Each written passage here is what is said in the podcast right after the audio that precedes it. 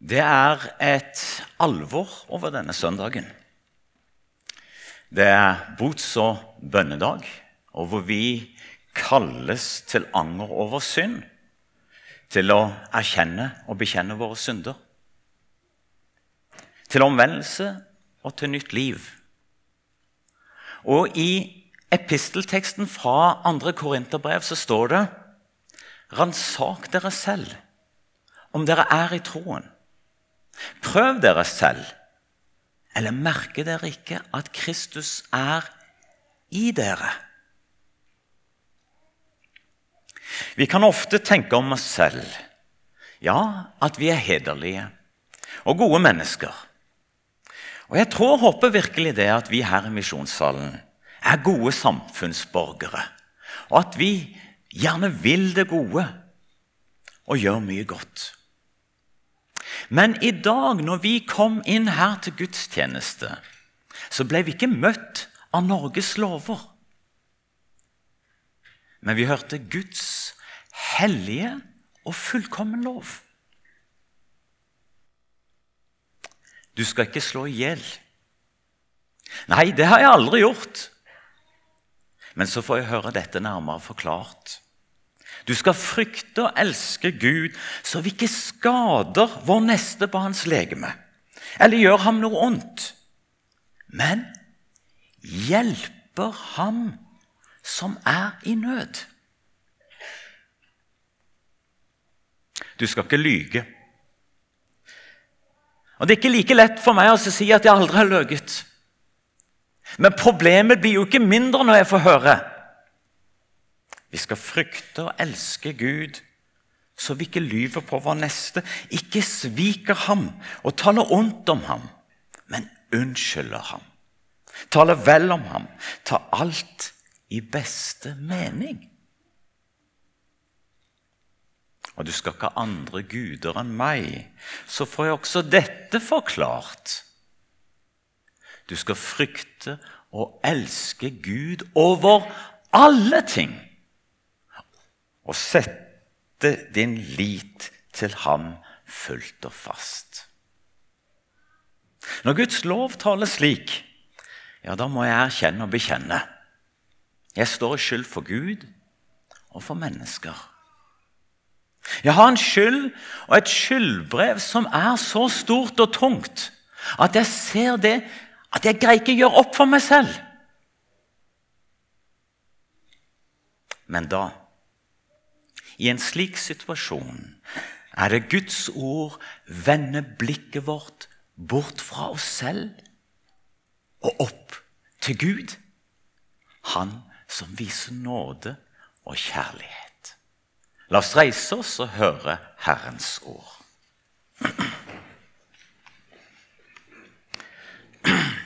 Jesus sa en mann hadde to sønner. Den yngste sa til faren Far, gi meg den delen av formuen som faller på meg. Han skiftet da sin eiendom mellom dem. Ikke mange dager etter solgte den yngste sønnen alt sitt og dro til et land langt borte. Der sløste han bort formuen sin i et vilt liv.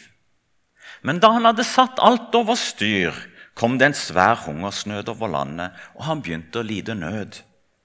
Da gikk han og søkte tilhold hos en av innbyggerne der i landet, og mannen sendte ham ut på markene sine for å passe grisene. Han ønsket bare å få mette seg med de belgfruktene som grisene åt, og ingen ga ham noe. Da kom han til seg selv og sa:" Hvor mange leiekarer hjemme hos min far har ikke mat i overflod? Mens jeg går her og sulter i hjel. Jeg vil bryte opp og gå til min far og si, 'Far, jeg har syndet mot deg og mot himmelen.' 'Jeg fortjener ikke lenger å være din sønn, men la meg få være en av leiekarene dine.' Og Dermed brøt han opp og dro hjem til faren.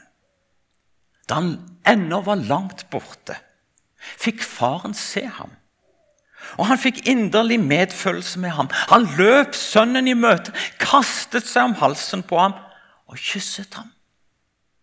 Og sønnen sa, Far, jeg har syndet mot deg og mot himmelen. Jeg fortjener ikke være lenger din sønn. Men faren sa til tjenerne, Skynd dere, finn frem de fineste klærne og ta dem på ham. Gi ham ring på fingeren og sko på føttene, og hent gjøkalven og slakt den, så vil vi spise og holde fest. For denne sønnen min var død og er blitt levende. Han var kommet bort og er funnet igjen. Og så begynte festen og gleden. Imens var den eldste sønnen ute på markene. Da han gikk hjemover og nærmet seg gården, hørte han spill og dans. Han ropte på en av karene og spurte hva som var på ferde. 'Din bror er kommet hjem', svarte han, 'og din far har slaktet gjøkalven fordi han har fått ham tilbake i god behold.'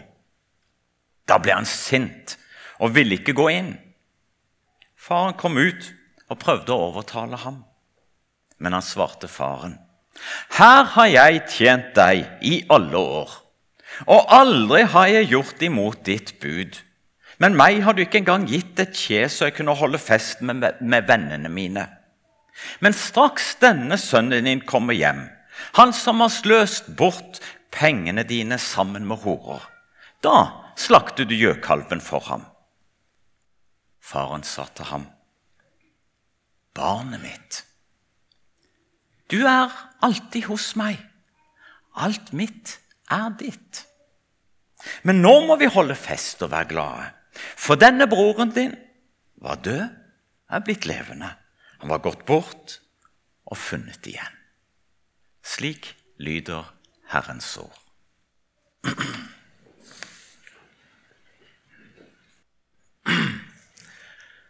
Hvem kjenner du deg igjen av disse to brødrene? Den yngste broren som fikk sin del av arven, sløste den bort på et vilt liv og endte opp i en grisebinge? Eller kjenner du deg kanskje mest igjen i den eldste broren? Han som holdt seg hjemme. Arbeidet og tjente og som holdt seg etter reglene som gjaldt. Jeg tror veldig mange av oss kjenner oss mest igjen i denne eldste broren. Og sammenlignet med mennesker som er slik den yngste, så kan vi ofte kjenne oss som mye, mye bedre. Og det er kanskje sant at livet ikke har gått i sånn i stykker for oss på samme måte.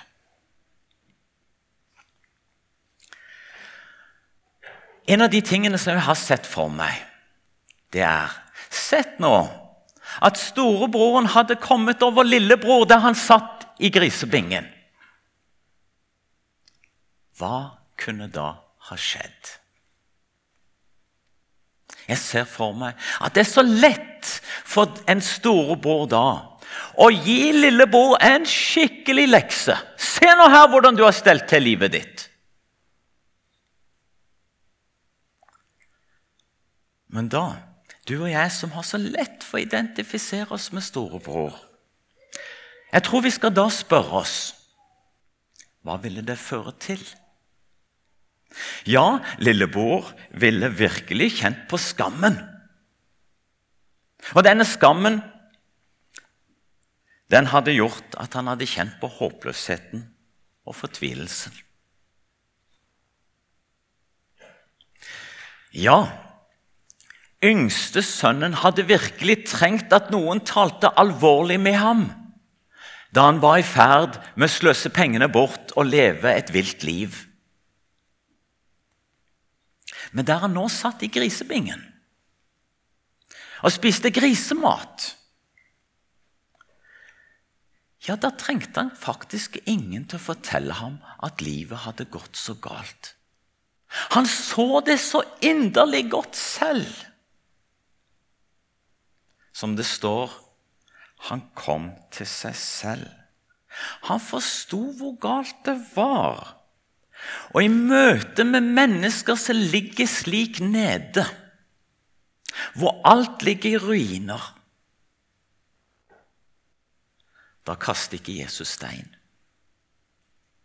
Og jeg tror det er viktig å si til hverandre da kaster ikke vi heller stein.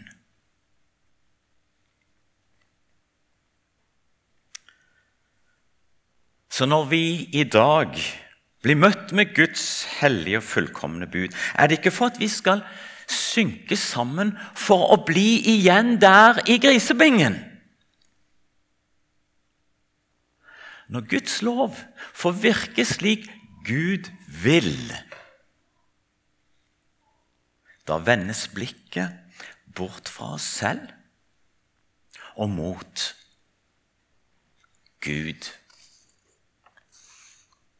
Og når teksten, når teksten da sier at denne bortkomne sønnen kom til seg selv, så skal vi merke oss to ting. Ja, han forstår sin håpløshet, og han bekjenner sin synd. Far, jeg har syndet mot deg og mot himmelen. Jeg fortjener ikke lenger å være din sønn. Og samtidig Han har et minne. Han har et minne om en far som var så god.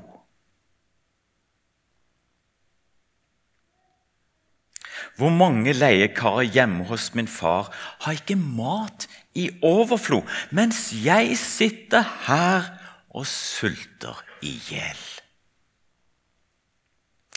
Og så vender han hjemover med bønnen. Jeg fortjener ikke lenger å være din sønn, far. Men la meg få være en av dine leiekarer. Det er ikke alle som har et slikt godt minne om Gud.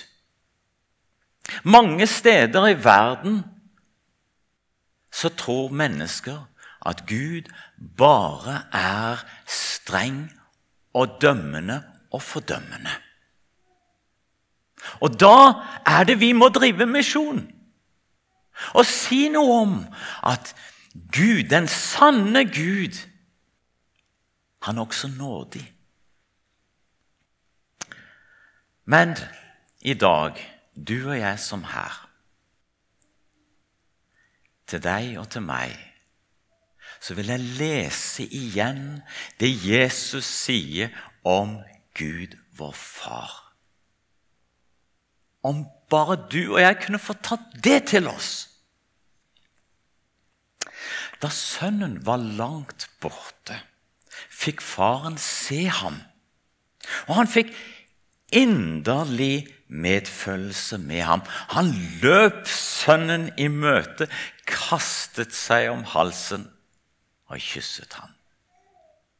Og når sønnen sier, 'Far, jeg har syndet mot deg og himmelen. Jeg fortjener ikke å være din sønn.' Ja, da avbryter faren ham umiddelbart. Og så sier han, til tjenerne Skynd dere, finn frem de fineste klærne og ta dem på ham. Ring på fingeren, sko på beina, ut og slakt gjøkalven. Her er det fest, her er det glede. Det som var borte, er kommet hjem. Den som var død, er levende. Takk og lov. Det er en slik Gud vi har.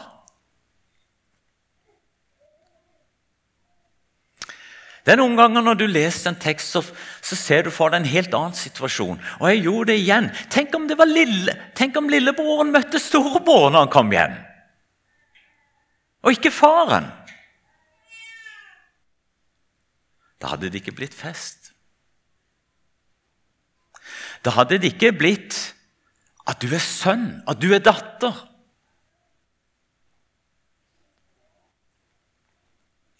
Heldigvis var det faren han møtte, og ikke storebroren.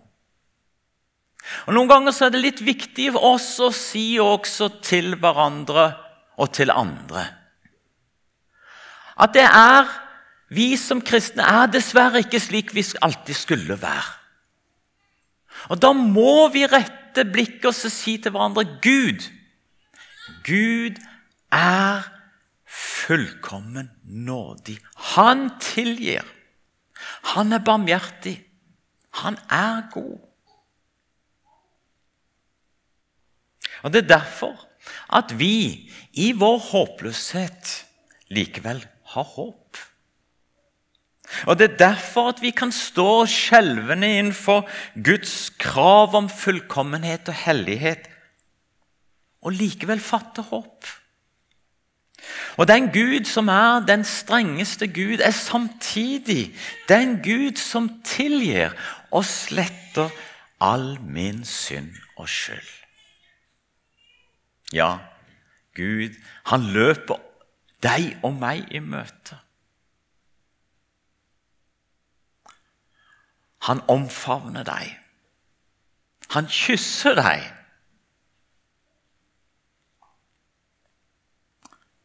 Han lager fest.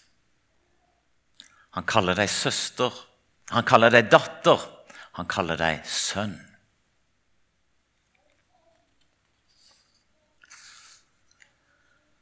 Men denne lignelsen handler ikke bare om den bortkomne sønnen, men like mye om den hjemmeværende sønnen.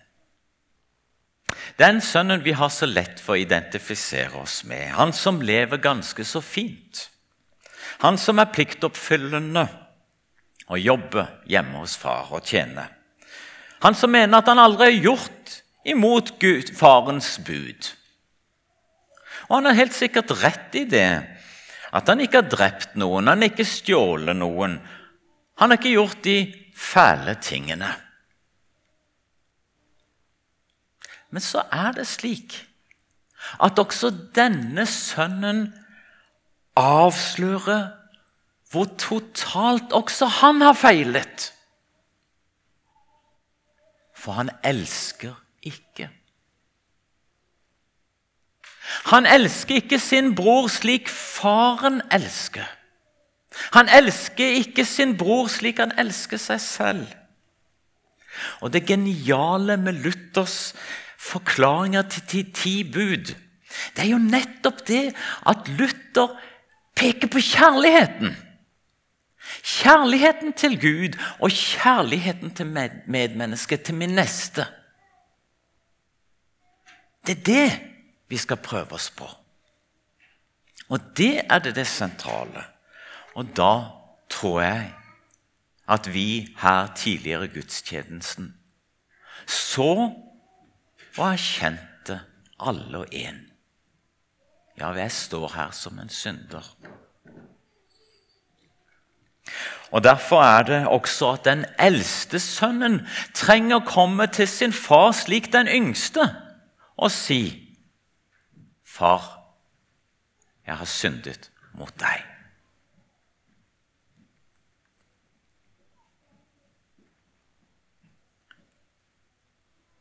Men hvis han ikke gjør det, ja, da bedrar vi oss selv, og sannheten er ikke i oss. Og Så hørte vi denne teksten fra 1. Johannes. Men dersom vi bekjenner våre synder, er Gud trofast og rettferdig, og han tilgir oss syndene og renser oss for all urett. Slik taler Gud både til den bortkomne yngste sønn og til den hjemmeværende eldste sønn. Ble så den eldste sønnen med inn i festen og gleden? Eller ble han stående der på utsiden? Lignelsen gir ikke et svar på det. Og Det er nærmest som om Jesus vil utfordre deg og meg. Vi som har så lett for å identifisere oss med den eldste der hjemme. Kommer du inn i festen og gleden? Eller blir du stående der på utsiden? Gud far, han sier, 'Barnet mitt'. Du hører til her, også du. Alt mitt er ditt. Kom inn. Det er av nåde.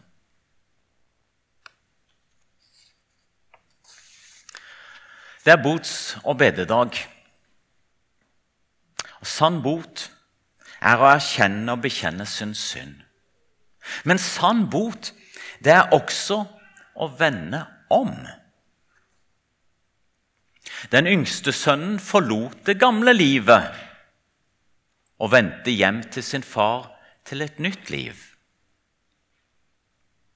Det er sinnet og misunnelsen mot sin yngre bror som holder den eldste sønnen borte fra fresten og gleden. Også han trenger å vende om.